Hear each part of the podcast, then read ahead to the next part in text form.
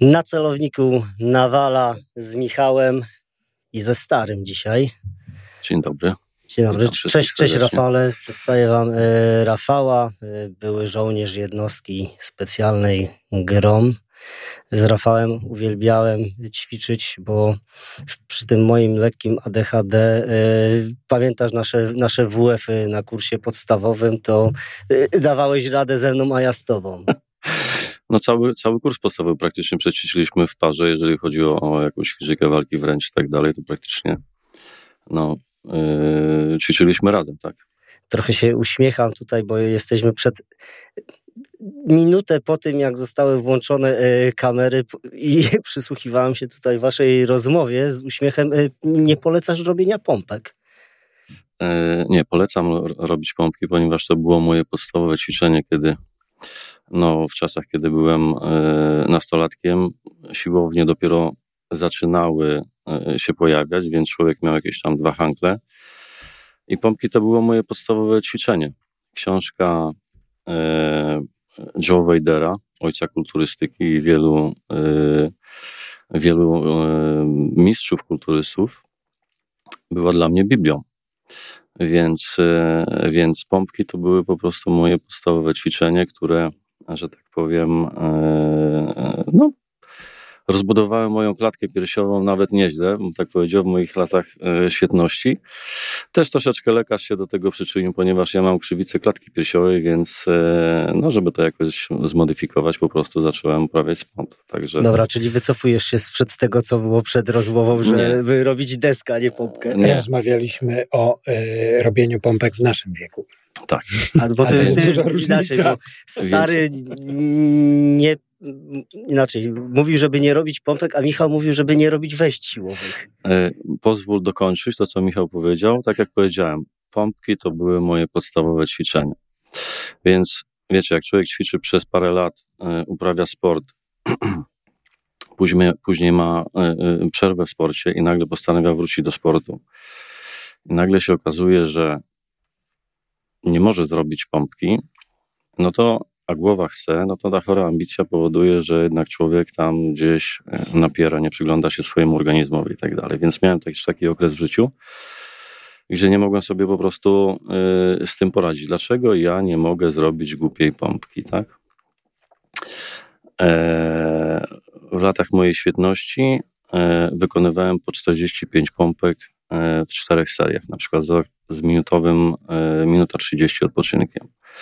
Natomiast to, co z Michałem tutaj zaczęliśmy rozmawiać, przyszedł pewien To było bardzo ciekawe. Przyszedł, przyszedł yy, pewien moment, gdzie zacząłem się zastanawiać, dlaczego ja mam problem ze zrobieniem 10 pompek. No okej, okay, nie ćwiczyłem przez dosyć długi okres czasu, ale tak, bolą mnie barki, yy, gdzieś tutaj mięśnie się spinają i tak dalej, więc w końcu odłożyłem tą swoją chorą ambicję na bok, usiadłem i przemyślałem po prostu, co robiłem w życiu i dlaczego nie mogę e, normalnie funkcjonować.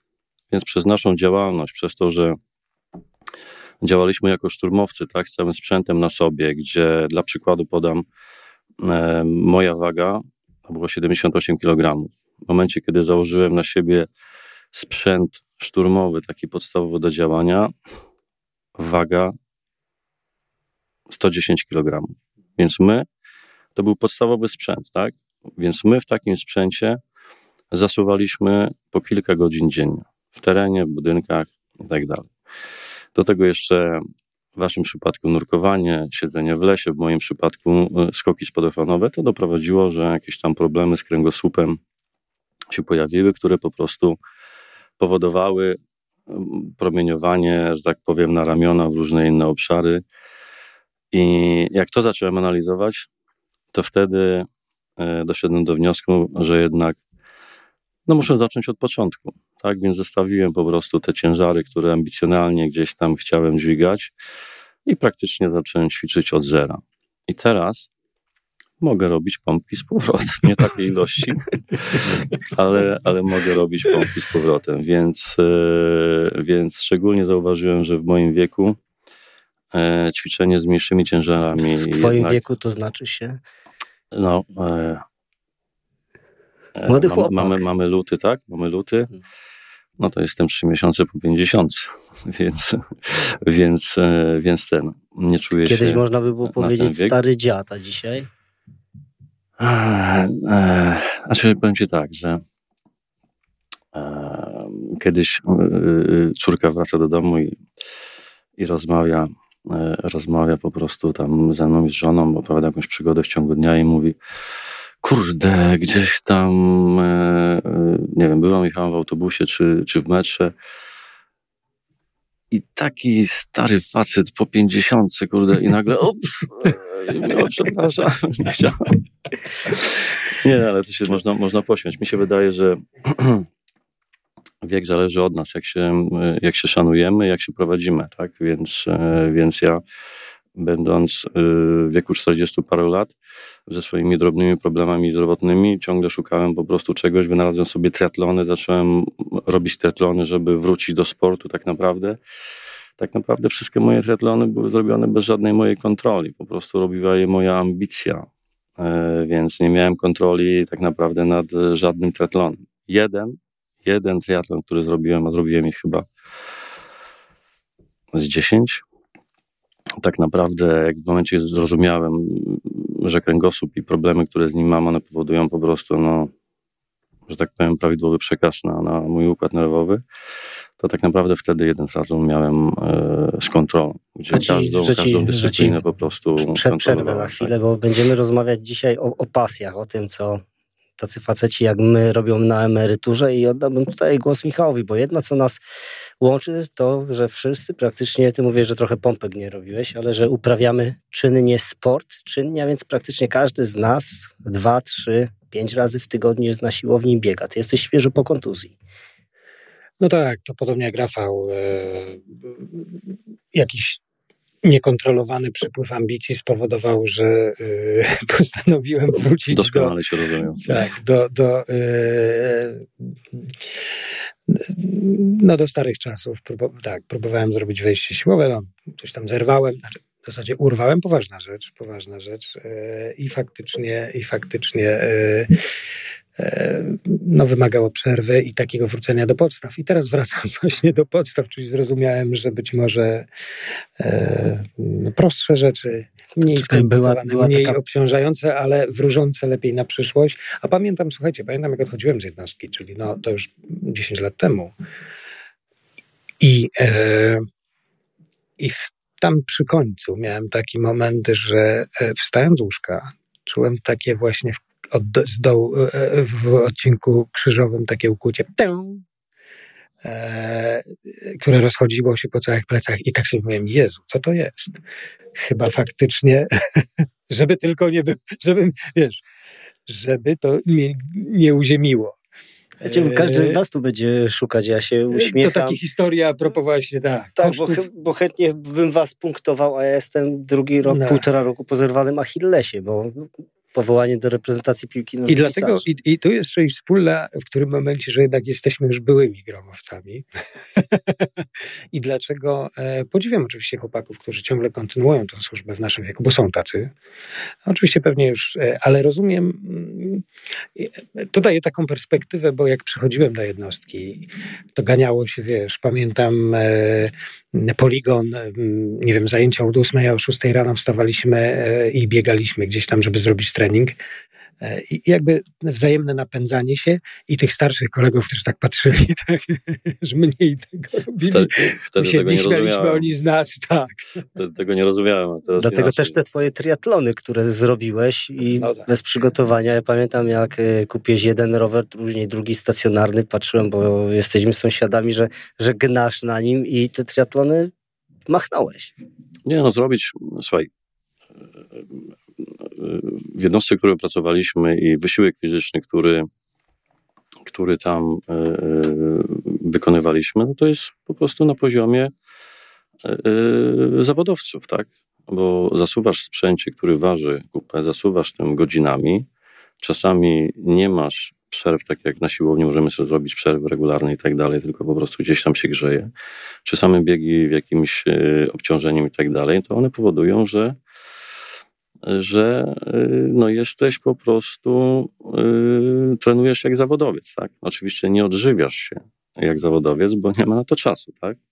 Ale stąd później, zobaczcie, wychodzą problemy, yy, znaczy problemy. No, w badaniach lekarskich, tak, że był moment, gdzie tak. większość lekarzy, jeżeli przechodziliśmy kontrolę i, i, i wychodziło EKG, to już nas chcieli kłaść po prostu. Ja spędziłem 24 szpitala, tak? godziny z Bo coś holterem. zagrało, gdzie ja funkcjonowałem, byłem, kurde, yy, żyłem pełną parą, a tutaj nagle mi ktoś mówi, że że musi pan iść do szpitala, położyć się, także, także ten. Natomiast no podsumowując tutaj te nasze zabawy, to wydaje mi się, że warto się przyjrzeć e, e, że tak powiem, w głąb naszego ciała. I, I jednak trzeba się ruszać, bo w momencie, kiedy ja się nie ruszam, nie trenuję, to po prostu wszystko mnie, wszystko mnie boli.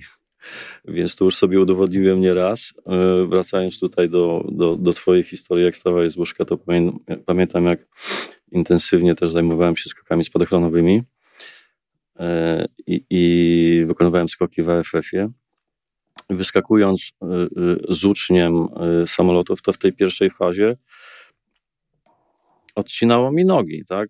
Więc teraz wyobraźcie sobie sytuację, kiedy ja jestem odpowiedzialny za studenta razem z drugim instruktorem, z kolegą, nagle ja wyskakuję i przez pierwsze 3 do 5 sekund nie czuję nóg, tak? Ponieważ no, wyjście wychodzi się tak zwane na, na strugi, gdzie muszę całą swoją przednią część ciała wystawić po prostu do wiatru, więc to wygięcie jest e, troszeczkę nienaturalne. Więc po pięciu sekundach dopiero, dopiero byłem w stanie wykonywać dalej, e, dalej skok. Oczywiście to było, może wyglądać troszeczkę tak e, niebezpiecznie, natomiast no, to była jakaś tam dolegliwość, która, która przez to, ile ciężaru nosiliśmy na plecach, to jednak no, powodowała pewne dolegliwości, na które wtedy no, nie zwracałem uwagi, tak, no bo kto z naszym wieku, jak byliśmy, że tak powiem, żyliśmy pełną parą, kto chciał chodzić do lekarza? Nikt na to nie miał czasu, kurde. Jak było takie ruszać... hasło, że jak boli, to znaczy, że czujesz, że żyjesz. No, dokładnie, więc kto, nie, nie było czasu chodzić do lekarza ja, po prostu, no. Ja pamiętam, e, po kursie podstawowym trafiłem już do chłopaków tam do e, e, sekcji snajperów, po, sek- po kursie snajperskim już byłem i, i, i, i chodziłem też na jiu-jitsu. Wtedy się pojawiło to brazylijskie jiu-jitsu, zafascynowałem się tym, zacząłem chodzić tak i złamałem, złamałem rękę. No pamiętam, pamiętam, pamiętam, I, z tą, I z tą złamaną ręką przyszedłem, że ja będę pracował i wtedy... Ale człowiek był głupi, nie? Wtedy. I chłopaki mówią, ty weź już do domu, wygonił mnie tam. Pamiętam, przełożeni powiedzieli, idź stąd, idź stąd, nie jesteś tu potrzebny. No, ale słuchajcie, ona taka jest prawda, że tak naprawdę była, tak. Y, y, ja kiedy nie przychodziłem do pracy? Kiedy miałem nogi połamane, tak? No, parę razy. Zdarzyło się. No, się zdarzyło. To wtedy, to wtedy nie przychodziłem do tak, pracy, no tak. no bo no bo jak? No właśnie. rady, tak? Natomiast, y, natomiast jak człowiek był sprawny, czy jakieś przeziębienia kiedyś czy, czy, się w ogóle nie brał nie było, pod uwagę, nie tak? Było. No właśnie to jest ta ciekawa historia, bo rozmawialiśmy wcześniej dużo o pasji do, mm, i o tym, wiesz, o tym, co jest ważne jak się w pracy pracy w służbach mundurowych, o tym, o tym, co nas popchnęło do tych służb. Rafał, Powiedz krótko swoją drogę. Jak to się stało, że trafiłeś do jednostki? Znaczy ja tak naprawdę, wiecie, no, ja lubię rywalizację, gdzieś tam ciągle mnie coś kiedyś goniło, więc tak naprawdę do, do, do służby trafiłem e, trochę po części dzięki mm, e, mojemu świętej pamięci wujkowi, który tam popchnął mnie w pewnym momencie na drogę wojskową, więc, więc oczywiście najpierw służyłem w desancie Bielsku Białej, Później wyszedłem do cywila, jakiś tam nie miałem za bardzo planu na siebie, więc wujo się pojawił, pokazał mi ogłoszenie, więc no, pojechałem, złożyłem papiery, rekrutacja, więc dostałem się do nadwiślańskich jednostek wojskowych, do, do batalionu specjalnego. I to było coś, co, co, co było super dla mnie w tamtych czasach, bo to był nowy batalion, który się tworzył wtedy, więc tam te szkolenia antyterrorystyczne, e, antyterrorystyczne strzelania, jak to się wtedy nazywało e, fajnie, czy, czy szkolenia pirotechniczne, czy, czy skoki spadochronowe, narty, e, no to wszystko jednostki nadwiślańskie wtedy też, też wdrażały. No ale w międzyczasie gdzieś tam jakieś jednostki zaczęły, informacje zaczęły mm, się pojawiać o jakiejś jednostce, która tak naprawdę była obok mnie. Na podchorążym byłeś. Tak, tak. A, a człowiek nawet o tym nie wiedział, tak? Mhm. Więc, więc ten, ale udało się tam gdzieś dostać informacje. E, zebraliśmy pakę kolegów wewnątrz, no, pojechaliśmy na selekcję, gdzie to było dla mnie też, e, że tak powiem, dużym zaskoczeniem, z czym się mierzę, bo byłem naprawdę dobry fizycznie, ale okazało się, że za mało maszerowałem. No ale, no ale szczęśliwie udało się przejść selekcję. W którym, roku, w którym roku W 98 e, na jesieni. W 98 na jesieni. No i trafiłem do jednostki i tak naprawdę tam się zaczęła moja, moja historia. No, ja nie żałuję żadnego dnia, który spędziłem w jednostce, bo tak naprawdę życzyłbym każdemu pracy takiej, której każdy może się realizować, robić mnóstwo innych rzeczy i, i nie nudzić się. Owszem, to jest kosztem zdrowia i kosztem życia, bo sam na swoim przykładzie dwa razy uniknąłem raz śmierci, raz jakiegoś tam poważnego uszczerbku. No, mam paru kolegów, których już niestety nie ma. Natomiast no, to jest coś kosztem czego, tak? Ja idąc do jednostki wiedziałem, na co się decyduję. Co mnie tak naprawdę mm, popchnęło, no chyba, chyba to mój brak y, siedzenia w miejscu, y, że tak powiem, że nie mogłem usiedzieć w miejscu. No nie wiem, ciągle I dalej nie możesz robić. siedzieć w miejscu. Ciągle musiałem, ciągle musiałem coś robić. Ale tak? zgodzisz się, że tak jak pewnie w twoim przypadku, w moim, nie były to pieniądze. Nie, nie... Nie no, wiecie, najpierw, żeby, żeby dojść do jakichś pieniędzy, to mi się wydaje, że w pierwszej kolejności najpierw trzeba coś dać y, z siebie, przynajmniej ja tak wtedy myślałem. Mnie interesowało coś, co mi da jakąś mm, satysfakcję, gdzie, gdzie, gdzie będę po prostu zadowolony tak, z mojej pracy. A, a tak naprawdę pieniądze czy awanse no, nie miały dla mnie większego znaczenia. Ja pamiętam, zaczynaliśmy w czasach, kiedy kiedy chorążył do, dowodził oficerami, tak? Był, był dowódcą sekcji, bo byliśmy w MSW i wtedy była taka polityka jednostki, że liczyło się doświadczenie, a nie stopień, e, kto będzie e, pełnił jakie, jakie stanowiska. No niestety później, jak przeszliśmy pod, pod Ministerstwo Obrony Narodowej, no te standardy się zmieniły, musieliśmy, musieliśmy e, podążać ze standardami monowskimi. Ale nie, nie do końca podążaliśmy z tymi standardami, bo bym przeszedł na tą główną część naszej rozmowy, czyli pasja i dzisiaj jesteś gdzieś znany w tym środowisku cywilnym jako strzelec i to dosyć dobry IPSC, ale najpierw bym porozmawiał o spadochroniarstwie, bo e, ty byłeś takim prekursorem wielu rzeczy, czy w ogóle nasza komórka spadochronowa e, w tym spadochroniarstwie e, w Polsce. No i jak no, wojskowym tym, tym wojskowym tak, spadochroniarstwie, to... prawda? E, mocno czujesz się spełniony, czy masz niedosyt po tym wszystkim, co zrobiłeś w powietrzu? Czy nie? Wiesz, tak naprawdę spadochroniarstwem zajmuję się od, zajmowałem się od 96 roku do 2013. E, więc przeszedłem e, w 96 roku zrobiłem kurs instruktora wojsk społeczno-desantowych. Y, więc tak naprawdę wtedy rozpoczęła się moja historia.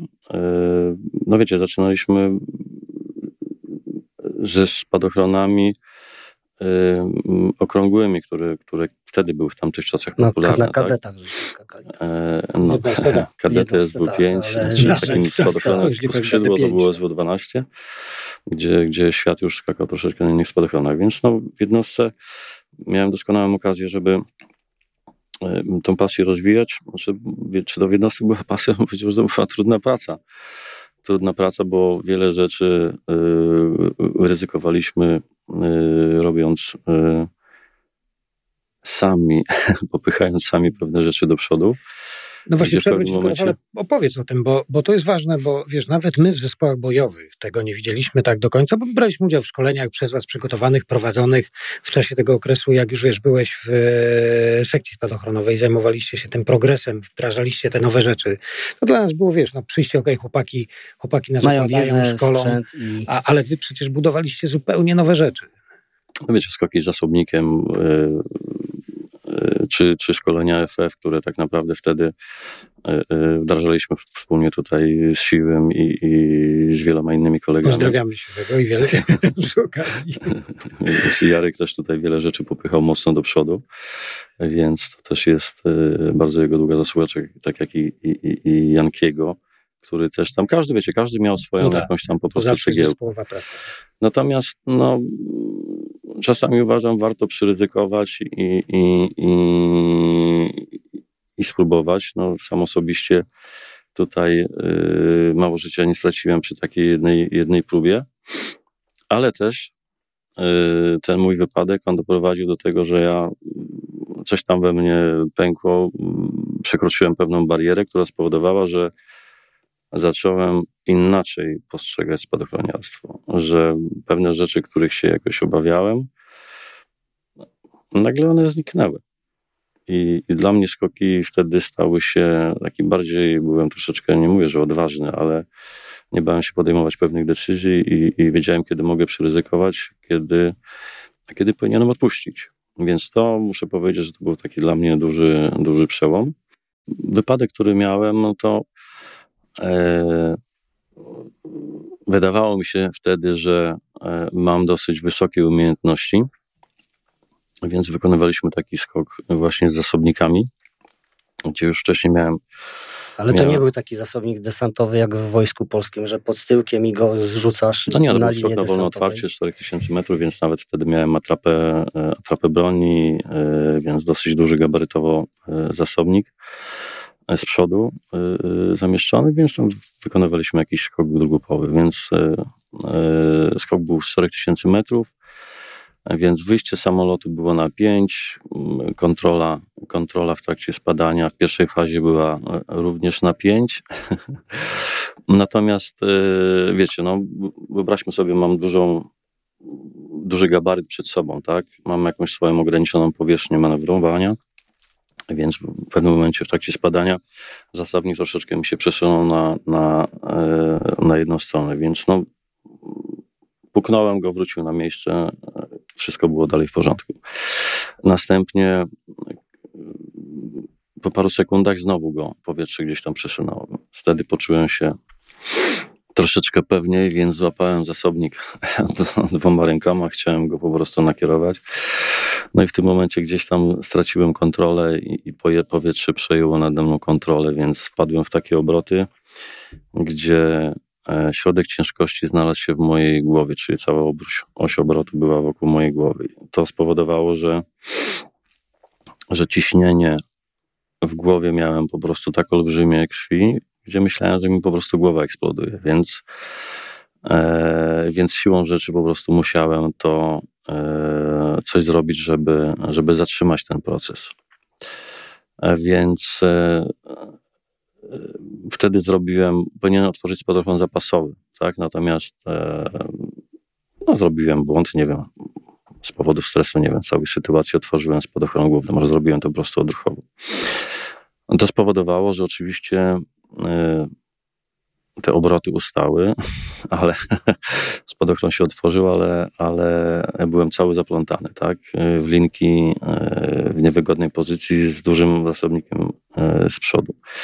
Więc wiecie, spadochron, na którym wtedy wykonywałem skoki, miał 9 mm, komór, z czego, z czego 3 komory, 9 komór, z tego co pamiętam, z czego 3 komory były wypełnione. Więc to spowodowało, że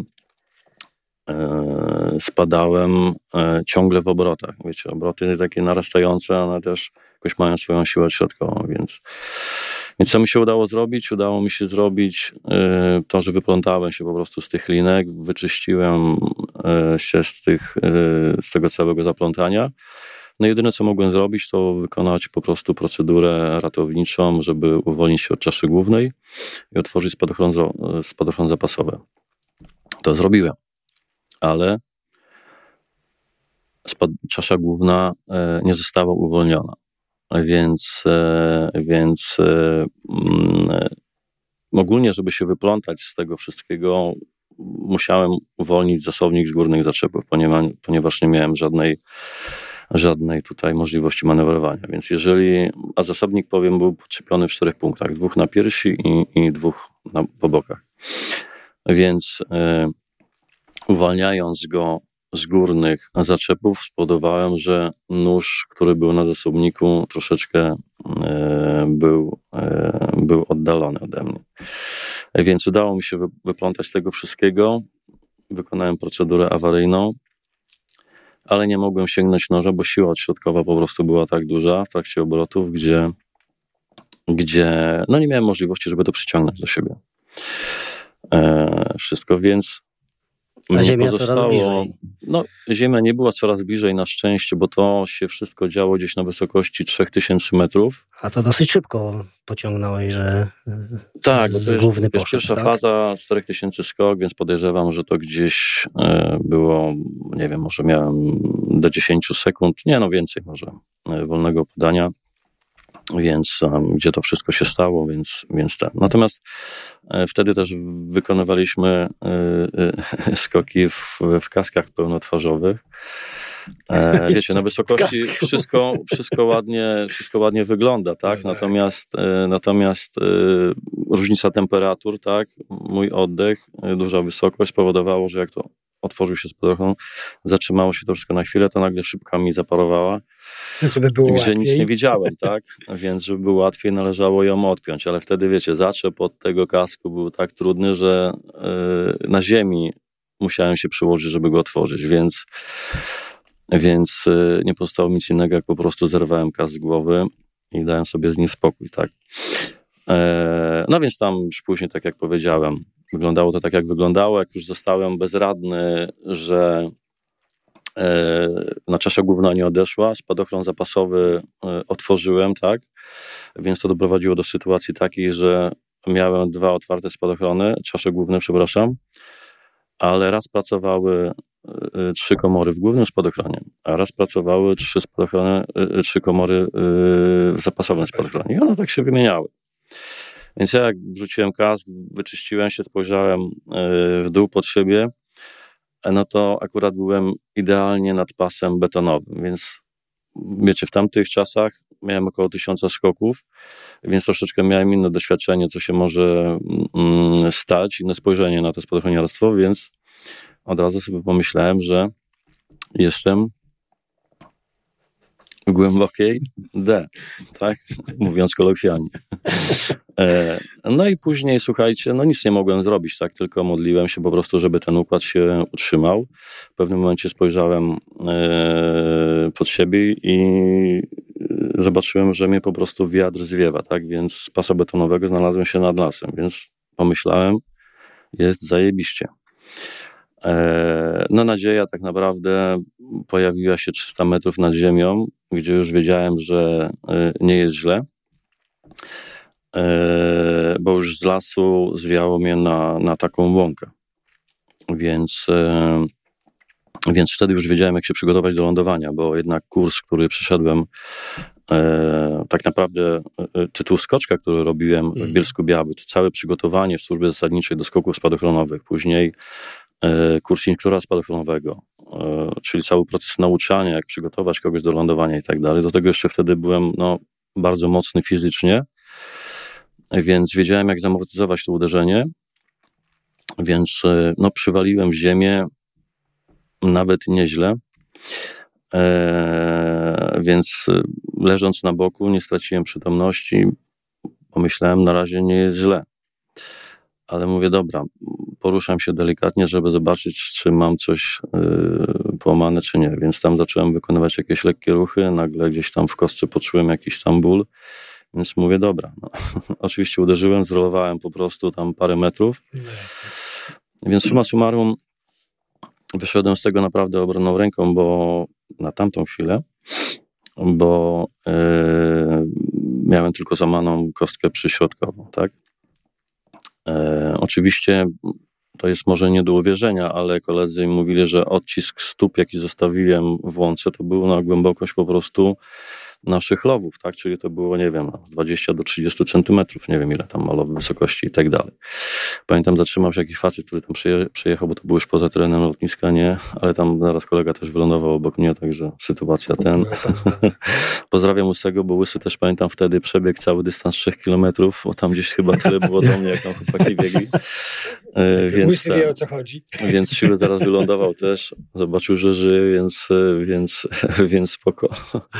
Podnieśli na to. To jest ciekawa rzecz, którą powiedziałeś, bo jak sobie przypominam nasze szkolenie takie desantowe, to ja w Lublińcu, co mogę powiedzieć, naprawdę te skoki desantowe były dobrze szkolone. Byliśmy naprawdę dobrze przygotowani, żeby takie typowe desantowe skoki robić. Nie, no desantowy skok to uważam, że w służbie zasadniczej, czy, czy nawet skokach, które wykonaliśmy no, tak, na tak zwanych no tak. skoczkach, no to był dobry proces po prostu przygotowania, tak? No wiecie, no kto nie wytrzymał ciśnienia, nie rozszerzył nogi przed lądowaniem, to po prostu któraś nóżka pękła, tak? Natomiast jeżeli trzymało się nogi zwarte, człowiek był przygotowany i tak dalej, to nawet jeżeli było jakieś twardsze lądowanie, no to ktoś miał odbite stopy, ale nogi były całe, tak, tylko pobijane.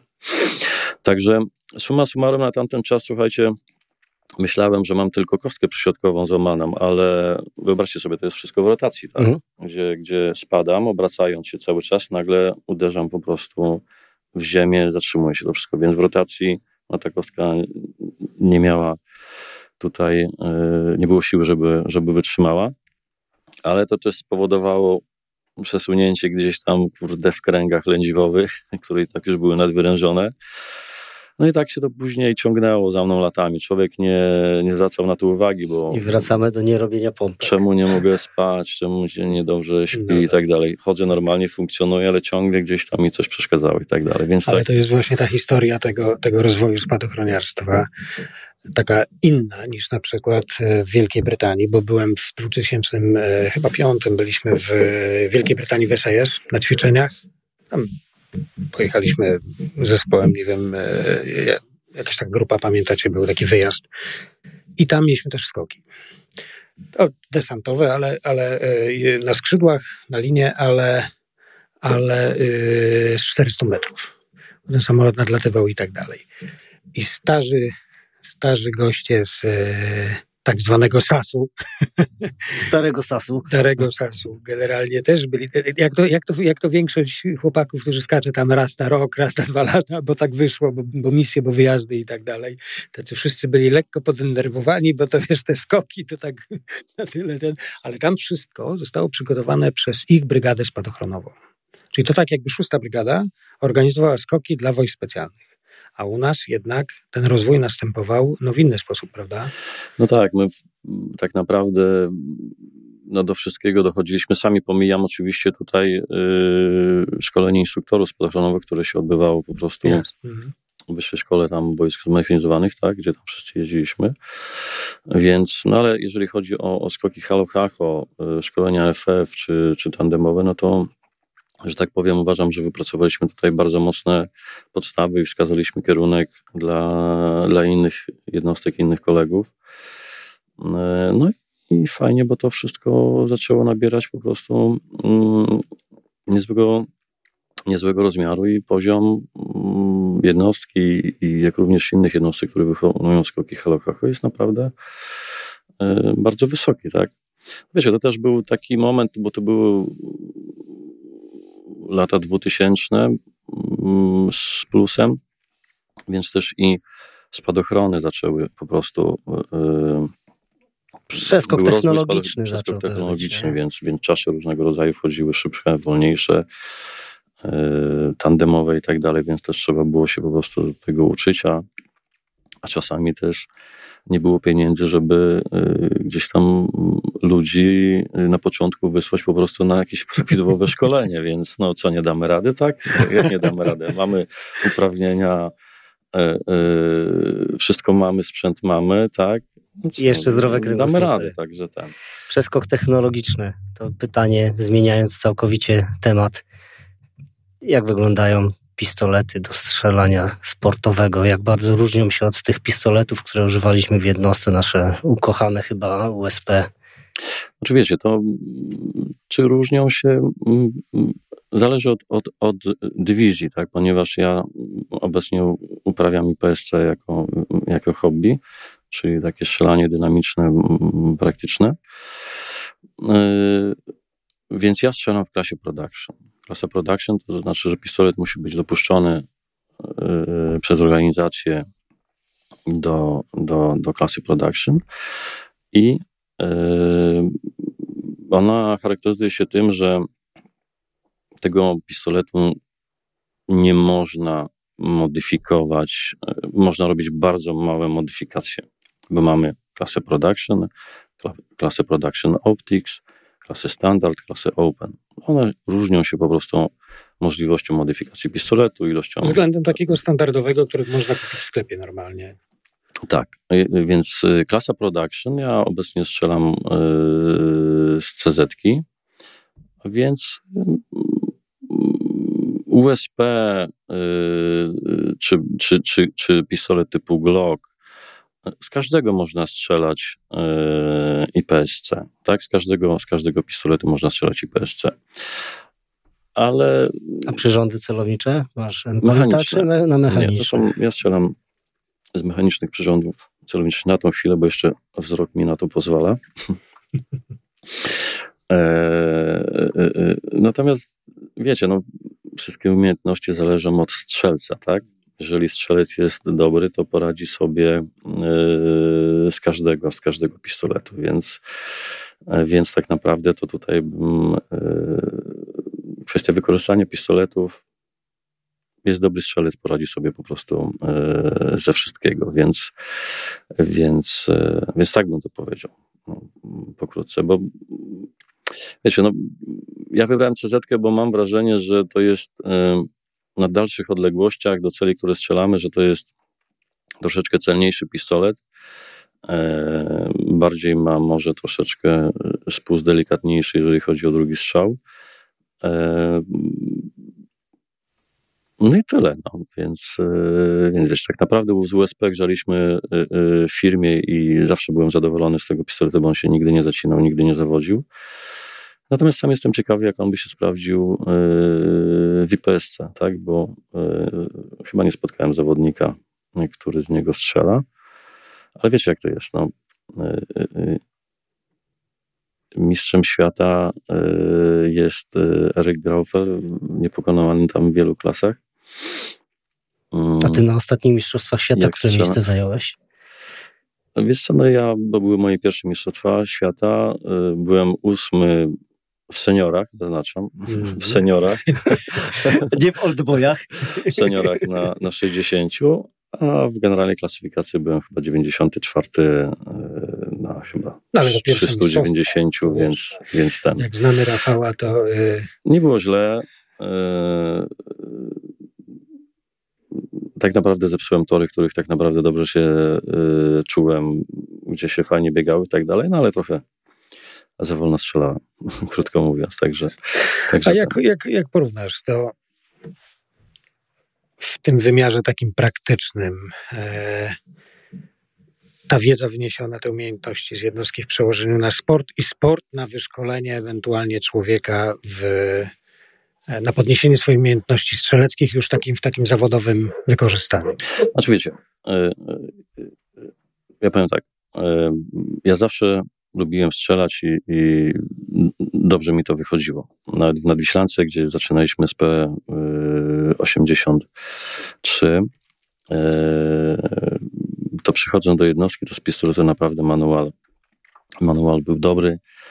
E, Palec trzymałeś jeszcze na spuście, czy już poza? Nie, nie, tam nie było. Major Tarnogórski, e, który prowadził szkolenie. No to było.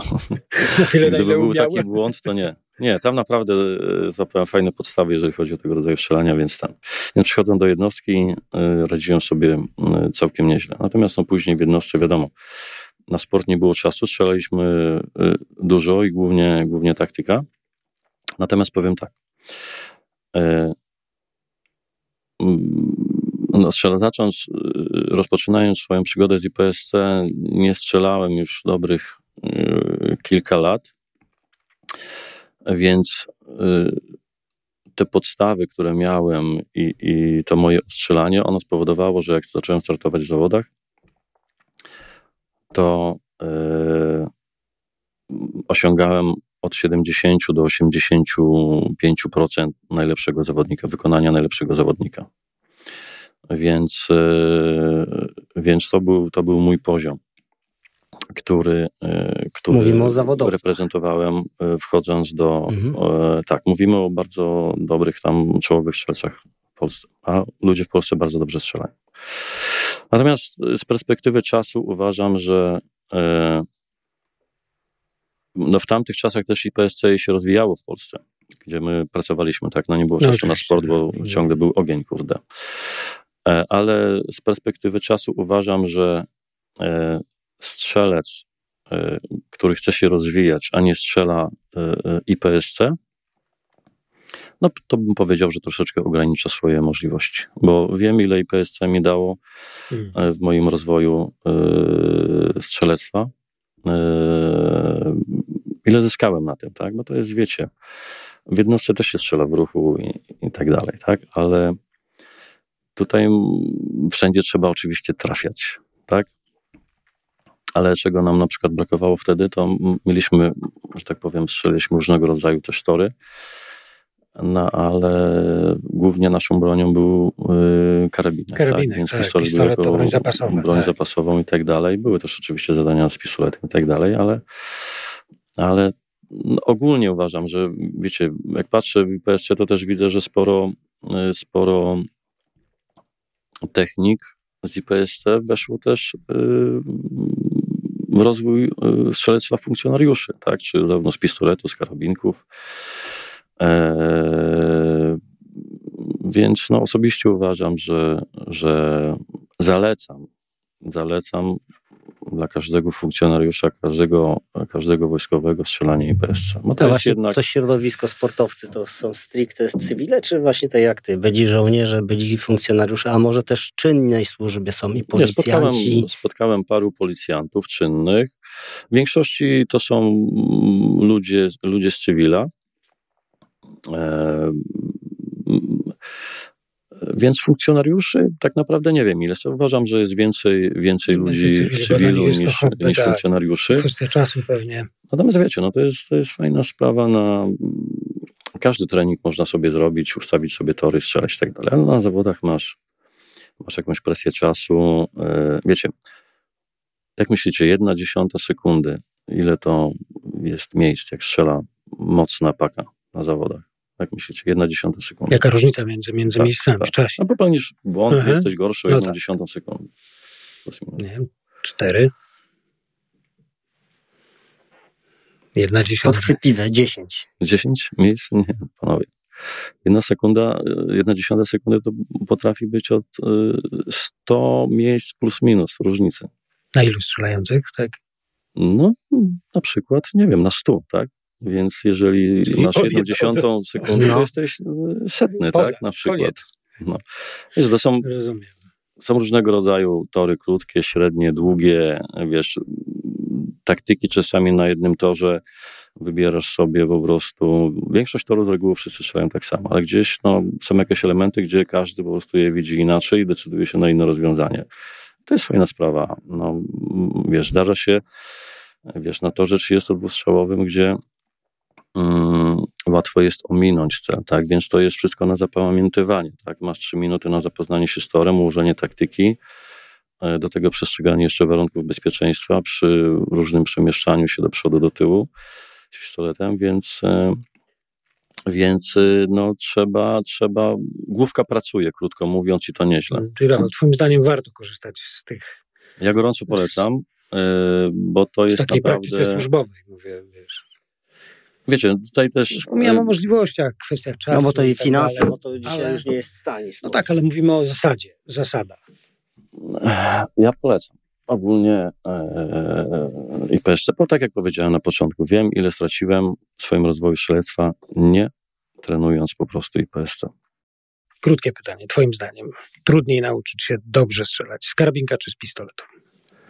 E, Zdecydowanie z pistoletu, bo pistolet jest bardziej wymagający. E, Oczywiście, wiecie, no, każdy, s- każda broń, każdy dystans rządzi się y, swoimi, y, swoimi prawami. Natomiast, wiecie, no, mechaniczne przyrządy są, uważam, trudniejsze do opanowania, bo wymagają jednak tej, tej, tej, tej precyzji. No i wiecie, no pistolet dla mnie jest zdecydowanie, zdecydowanie trudniejszy, tak? Więc no w karabinie mamy, mamy że tak powiem, lepszy chwyt, y, inny odrzut i tak dalej, jest troszeczkę prawda? stabilniejszy, więc wiecie, ale znowu dystanse, tak, wszystko zależy y, o jakich dystansach rozmawiamy. Natomiast moim zdaniem pistolet jest zdecydowanie, zdecydowanie trudniejszy. Ale popatrz, bo my mamy doświadczenie z Michałem strzelania z osobami, które często pierwszy raz trzymają broń w ręce. Ja mówię tutaj o naszym wspólnym programie y, Strzelnica Nawala. Mhm. I mając osoby, które gdzieś tam raz strzelały albo w ogóle nigdy nie miały broni. Najpierw są zajęcia ze mną, strzelam tam El Presidente z nimi z pistoletu, są dosyć duże emocje. Później jest karabinek one to five i po mnie przychodzą na Michała, kiedy już nie ma tej dynamiki, kiedy jest takie, wiesz, uspokojenie i strzelanie na dużym dystansie. No, I 100 metrów. 100 metrów, ale wiesz, no to jest, ale to już jest, dystans, jest, jest, no, jest luneta z karabinu tak, I takie wrażenie po tym programie, że u mnie była gdzieś frajda i dynamiczne, a u ciebie chyba największa satysfakcja dla nich, bo tak w pewnym momencie, nie wiem jaki poziom można by powiedzieć, że u ciebie będą już zrozumieli, czym jest strzelanie. Ja się zgodzę z że pistolet, tak z mojego punktu widzenia, strzelałem jeszcze no, karabinów borowego dość dużo, że jednak pistolet jest, jeżeli chodzi o e, samą broń, już nie mówię o proces towarzyszący tam jakąś balistykę i tak dalej, i tak dalej, no to pistolet stawia największe wymagania mm, takie, pomimo, bo pomimo, że dystans jest krótki, to precyzyjne trafienie z pistoletu wymaga naprawdę dużego treningu. A ta satysfakcja, bo, bo, bo mm, i wiesz, y, no bo przy krótkim, przy takim pierwszym kontakcie z bronią, no liczy się ten efekt. Jak, wiesz, broni wyborowej, jak masz czas, leżysz i tam trafisz. strzelisz, to trafisz. No, oczywiście, wiecie, no też jest... jak to Michał ustawi, jak ja ustawię, tak. Warunków, y, tak, celu. Oczywiście, ale to sterylne, ale, ale, sterylne warunki. Jak sterylne warunki, ktoś ci tam ustawi tą broń to, i powie jak, to, to, to, to w coś trafisz, mniej więcej. Natomiast pistoletem możesz nie, nie trafić. Nie wybacza. Znaczy wiecie, nie wybacza, dlatego że y, wiecie, w jednostce my z pistoletu strzelaliśmy no głównie 10 metrów i bliżej, czasami strzeliśmy coś dalej, ale no to były głównie nasze dystanse, no tak, no to natomiast, tak. natomiast w IPSC y, strzela się, można powiedzieć, od metra do 30 metrów z pistoletu. I się trafia, tak? Czasami się trafia, czasami się nie trafia oczywiście, ale ja jestem sam przykładem, gdzie na Mistrzostwach Świata był właśnie taki, taki stage długi, gdzie można powiedzieć lewa i prawa strona były podobne do odstrzelenia, tak? I z lewej strony i z prawej była, była tarcza na 30 paru metrach e, i z prawej strony również na takim samym dystansie. Więc wiecie, zaczynając z lewej strony, gdzie byłem stabilny, nie było, i tarcza była, że tak powiem, dobrze oświetlona, nie było żadnego problemu e, z trafieniem w cel. Natomiast no, z prawej strony, gdzie musiałem oddać 30, do, tam 20 parę strzałów, tak, i przebiec cały tor dynamicznie. Wystarczy, że zatrzymałem się, byłem troszeczkę zmęczony, strzelałem do tarczy, która była na dystansie 30 paru metrach, e, w cieniu drzewa, więc widoczność była e, nie za bardzo. Do tego jeszcze źle stanąłem troszeczkę, strzelałem ją na wychyleniu i wiedziałem, że to jest trudny cel. I oddałem tam trzy precyzyjne strzały. No i co się okazało, że, że wszystkie trzy misy nie trafione, także, także wiecie, no, e, im dalszy dystans pistoletu, e, nie wybacza, nie wybacza błędów i tak dalej, więc wiecie, to zabawa, no. Każde, każda broń, każdy, jakaś dyscyplina ma swoje jakieś tam y, specyficzne, nie wiem, zasady, warunki, ale tak? ale potwierdza się, że, uważam, tak, że pistolet doświadczony jest strzelec powiedzmy bojowy i sportowy. I my no również doświadczeni strzelcy, no nie sportowi, ale z doświadczeniem bojowym. Wyciągamy wniosek, że pistolet faktycznie wspólnie jest trudną bronią. Nie, już nie, nie, nie mówiąc, czy jest najtrudniejszy, czy jest, wymaga odpowiedniej metody. jest wymagający, no. I zobaczcie, mamy funkcjonariuszy na przykład policji, którzy wszyscy mają uzbroj... wszyscy są uzbrojeni w pistolety. I stoją, są na ulicy, prawda? I, i, i tutaj wchodzimy w zagadnienie, jak jak ważne jest odpowiednie, nie wiem czy się ze mną zgodzicie, to metodyczne potraktowanie używania tego, tego sprzętu, bo to jest ogromna trudność. Znaczy wiecie, ja ogólnie tutaj, jeżeli jesteśmy przy tym temacie, to uważam, że mm, gorąco polecam y, strzelanie IPSC, szczególnie dla funkcjonariuszy, którzy pracują z samym pistoletem czyli dla policjantów, którzy pracują na ulicach i tak naprawdę mają do czynienia z ludźmi z różnymi sytuacjami, są wyposażeni w pistolet. Więc y, nie wiem, jaki jest teraz y, proces szkolenia tak, policji, bo, bo w ogóle nie mam na to wiedzy natomiast, y, na ten temat. Natomiast, natomiast ja gorąco polecam dla wszystkich funkcjonariuszy rozwój, rozwój i zabawę IPSC. Oczywiście opinie są różne, bo sam się spotykałem e, e, z opiniami, że IPSC to sport, że jest słabe i w ogóle i tak dalej, tak? Natomiast słuchajcie, no wystarczy pojechać na zawody. Jeżeli, jeżeli ktoś wystrzela 70 parę procent najlepszego zawodnika na danych zawodach, który, który wystrzela, no to wtedy wtedy bym proponował, żeby, żeby wyrażał swoją opinię na temat, czy IPSC jest słabe, słabe czy nie. Ja ze swojego doświadczenia gorąco polecam. Jest y, w Polsce.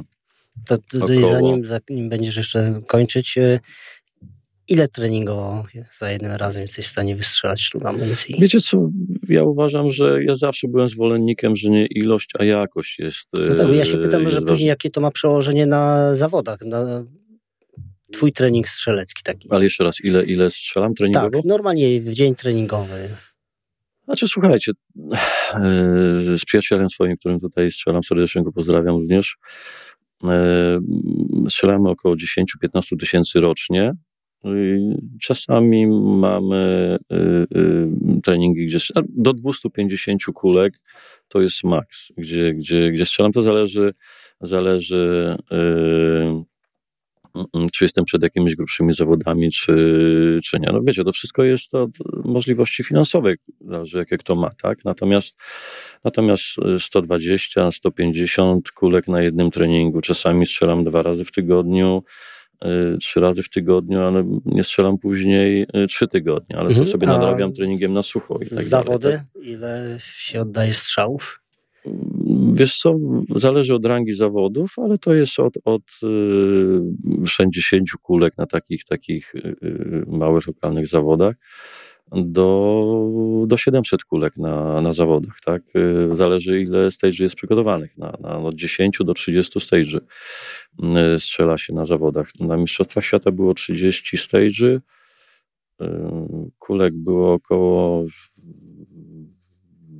600 plus minus. Pytam się dlatego, żeby pokazać, y, jak Jaka to jest skala? Jaka to jest skala oddawania strzałów, mm. gdzie się gdzieś tam ktoś podśmiewuje z policjantów i mówi, że tam... Znaczy, patrzmy, słuchajcie, no... Jak mało strzelają, nie? To tutaj ktoś, kto mówi o IPSC, że jest śmieszne, to ja już się z tym nie zgadzam, bo każdy strzelec naprawdę bardzo często strzela. Duże ilości amunicji. Wiecie, nawet jeżeli, jeżeli jest dobry yy, strzelec, a nie może sobie pozwolić na, yy, na dużo strzelania, to zawsze można to bardzo dużo skompensować treningiem na sucho. Tak? I również znam takie przykłady, przypadki, gdzie ludzie y, dużo trenują na, na sucho i mają doskonałe wyniki y, y, na zawodach. bycie z bronią samo, no to jest... Sam manual, samo wiecie, poruszanie się, wchodzenie w cel, wyjście z celu, taktyka na torze, tak, to wszystko każdemu się zdarza, kto zaczyna strzelać PSC, ominięcie tarczy. I również się zdarzyło.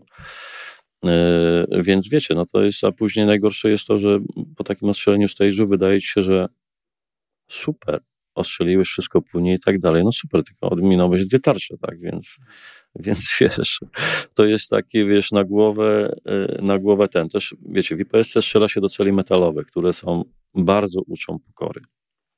Znam też takie przypadki, gdzie ktoś strzela do celu metalowego, a on po prostu się nie kładzie.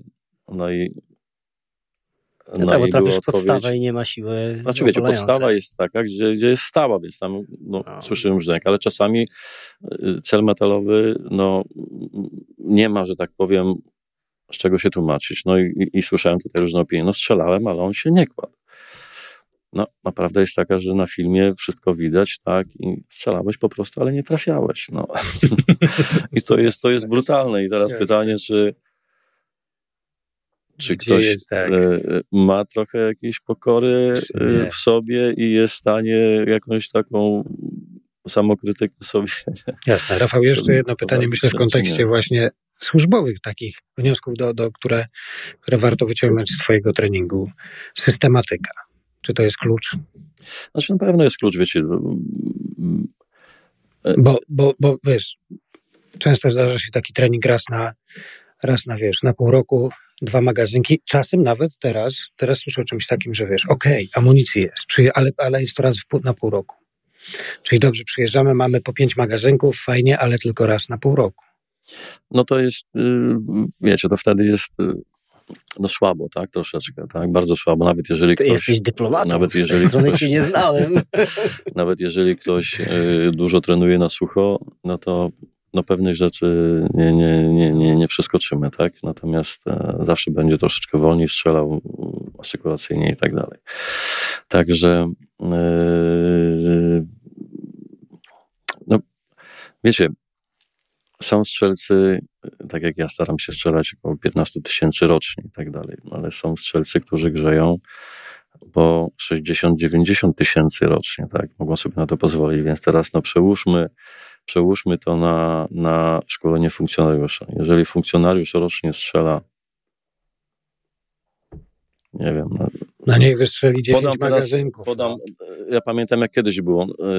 Yy, wiecie, to nawet zetknąłem się z jakąś grupą yy, yy, z funkcjonariuszy, więc no, opinie są, że strzelają na przykład, nie wiem, 100 kulek rocznie i tak dalej, tak? Więc no, jeżeli... jeżeli... Znaczy pytanie, chwalili sobie, że mają aż 100, czy... No nie, no to, to jest, wiesz, no nie mam o czym rozmawiać, to, wiesz, to jest, to jest metoda szkolenia za czasów komuny, tak, na 25 metrów do tarczy, 5 strzałów po prostu raz w roku, tak jak yy, podstawowe strzelanie jakieś tam wojskowe czy, czy, czy funkcjonariuszy. Oczywiście, no, to trzeba też rozgraniczyć, jacy funkcjonariusze, tak? Więc, yy, więc nie każdy strzela 100 kulek. Natomiast wiecie, no, chodzi o to, że yy, jeżeli 60 tysięcy sportowiec strzela e, rocznie, a funkcjonariusz, dajmy na, nawet niech tysiąc e, strzeli, e, strzeli rocznie, no to nie mówmy, że sportowiec jest słaby, no. Więc siłą rzeczy on, on wiecie, no, do mistrza E, e, no i tu jest, czy do, czoł, jest do czołówki, bo wiecie, zabawa ulicy tak, jest tak. dużo większa zabawa niż z czołówką, Zabawa z czołówką no, po prostu zaczyna się już wszystkie detale, to co powiedziałem, o jednej tak. dziesiątej sekundy, tak? Jeden podstawowy błąd i już jesteś... Można, wiesz, kwestionować sport, ulica i rozgraniczać, ale, ale pokazuje, chodzi mi o to, że pokazuje to, że wiesz, tam w sporcie no, ścierają się ludzie, którzy do perfekcji opanowali obsługę narzędzia. Nieważne już, czy wiesz, czy to jest porównywalne do użycia na ulicy, czy nie, ale pokazuje to, jaka jest skala potrzebna, żeby opanować perfekcyjne użycie narzędzia i konkurować z innymi, którzy też to zrobili, tak? I teraz dołóż do tego przyzwoite opanowanie narzędzia i stres. Jaką skalę, jak powinno być to przełożone? Że 100 no kulek rocznie nie da niczego. Potrafimy sobie zwyczajnie niczego. Bo jak często strzelaliśmy u nas w pracy praktycznie. No tak. W pięć dni w tygodniu, cztery dni były, że używaliśmy. No właśnie, takie wnioski też ze sportu, prawda? Że chociażby to porównanie, że wiesz, tam rywalizują ludzie na najwyższym sportowym poziomie i to już, i wiesz, i teraz zobacz, jaka, jaka jest potrzebna skala. I teraz wiesz, tutaj dobrze, nie dążymy może, żeby tutaj wyrośli nam wszędzie sportowcy, ale jednak, no, no co, no, no mają narzędzie, powinni mieć je opanowane na. No ale oczywiście, że tak. Zatem wiecie, no to to. To jest tak jak. Ja mam troszeczkę inny pogląd, tutaj możecie się ze mną nie zgadzać, ale na przykład rozróżnienie, tutaj często jakieś mam dyskusje odnośnie, czym się różni strzelanie bojowe od strzelania sportowego. Dla mnie niczym, ponieważ i to jest strzelanie, i to jest strzelanie. Ale jeżeli mówimy o zasadach, o, o taktyce, no to rozmawiajmy o, o tak, taktyce, tak? To nie jest Bo strzelanie, strzelanie, mhm. czy, słuchajcie, no, czy strzelec sportowy, który strzela, yy, strzela całe życie sport i tak dalej, nagle, yy, nie wiem, jest jakiś konflikt, albo, nie wiem, ma broń do ochrony osobistej i, i, i nagle ma sytuację, kiedy, kiedy musi użyć broni, no to pytanie, czy on używa jako sportowiec, czy jako, jako strzelec bojowy. No, no to jest takie no, rozróżnienie tak? pistoletu, wiecie, masz ja... do ochrony osobistej i do sportu. Nie, no to nie, nie no, ma żadnego znaczenia, ten tak? sam pistolet. Chodzi no. mi o sytuację. No, dla mnie strzelanie to strzelanie po prostu, nie ma znaczenia po prostu jakie, bo, bo te same czynności wykonujemy, ale taktyka, tak, jeżeli jestem funkcjonariuszem, no to ja mam taktykę. Jak działam w parze, mam taką, jak działam w trójce, mam taką, jak działam w czwórce, mam, mam taką, tak? Czy tak jak u nas. U nas była, czy w jednostkach, jest taktyka, procedury, tak? Sportowiec ma również te same procedury, tylko dotyczące sportu tak. na tak, stage i tak dalej. Także, dokładnie tak. Także to jest, to jest... Strzelanie to strzelanie. To jest mój pogląd. Tak. No więc, wiecie, z pistoletu. No nie tylko. Mówię o pistolecie, bo oczywiście karabinek też jest i, i tak dalej. Ja strzelam pistolet, więc wypowiadam się po prostu. Myślę, że to jest ciekawy pogląd, bo faktycznie e, nawet w strzelaniu z karabinu wyborowego. Ja nie startuję w zawodach, ale zgodzę się z Tobą, że czy ja leżę w krzakach i, i nieważne, strzelam do jakiegoś celu wojskowo, czy jestem na zawodach, to, to czy ja trafię, czy nie trafię, to jest dokładnie ten sam proces. Droga do tego momentu jest inna i dlatego sportowcy nie są snajperami, a snajperzy nie są sportowcami. Ale strzelanie jest strzelaniem. I jak nie masz tej wiedzy podstawowej i nie wiesz, to nie trafisz jako sportowiec i nie trafisz jako, jako, jako snajper. Wiecie, w sporcie tak samo mamy kabury, mamy wieszaki umiejscowione tutaj, zależy jaką z boku, z przodu, zależy jaką dywizję strzelam i tak dalej. Tam mm. również jest szybkie dobycie, również jest y, y, różne tak zwane kondycje broni, wymiany magazynka, gdzie rozpoczynam załadowane, albo muszę podłączyć magazynek, przeładować i tak dalej. Więc Jaka jest różnica, jeżeli nagle, nie wiem, sportowiec będzie musiał nosić broń pod, y, pod koszulą i tak dalej? Po prostu ma taką kaburę, ma taką broń do tego dostosowaną, nosi ją w ten sposób, więc musi nauczyć się manualu po prostu, tak? A strzelać będzie tak samo strzelał, po prostu celnie, szybko i, i, i tyle, więc no to Dlatego ja mam taki, taki Myślę, że to ciekawa konkluzja, że właśnie te dwa światy warto przenikać i wyciągać i dzielić się doświadczeniem, bo to jest y, rozwój, bo to jest wartościowe, a, a nie takie wiesz, budowanie barier i mówienie, że oddzielamy to od Odpychanie tego. po prostu od siebie, tak, tak? Więc y, tak, wiecie... Nie budujmy to, to barier. Jest, tym bardziej wiecie, tak jak patrzę, yy, gdzie tam no, byłem w paru miejscach na świecie troszeczkę postrzelać, czy nawet jak patrzy się na mistrzów, no to mistrzowie z PSC jeżdżą i szkolą po prostu również gdzieś y, funkcjonariuszy, tak, którzy się sami zgłaszają i tak dalej, tak, więc Yy, wiecie, sam, wzajemnym pełnym szacunkiem. Sam Robert Vogel jest tutaj mistrzem świata, to jest mm. Amerykanin ze Stanów, ze Słotu chyba, funkcjonariusz, mm. więc no, jest no jakiś właśnie. problem do niego strzelać bez Że tą lekcję jeszcze więc... mamy do odrobienia, żeby nie bać się w służbach, czy w służbach w ogóle wszystkich mundurowych, żeby czerpać e, wiedzę z tego, co jest w cywilu, bo powiem tak, e, w cywilu dzisiaj jest dużo mniej obostrzeń i regulaminów niż w wojsku. Pamiętacie z naszej służby, wiele rzeczy robiliśmy poza regulaminem, bo po prostu regulamin na to nie pozwalał wiele strzelań, no, które robiliśmy, nie były objęte warunki. żadnym regulaminem. Po prostu wojsko by nam tego nie pozwalało robić. A w cywilu ja dzisiaj patrzę na strzelców, że robią dużo bardziej, można powiedzieć, niebezpieczne albo taktyczne rzeczy. Niektórzy, że nie jeden poligon by nie pozwolił, żeby na terenie tego poligonu takie strzelanie się odbywało.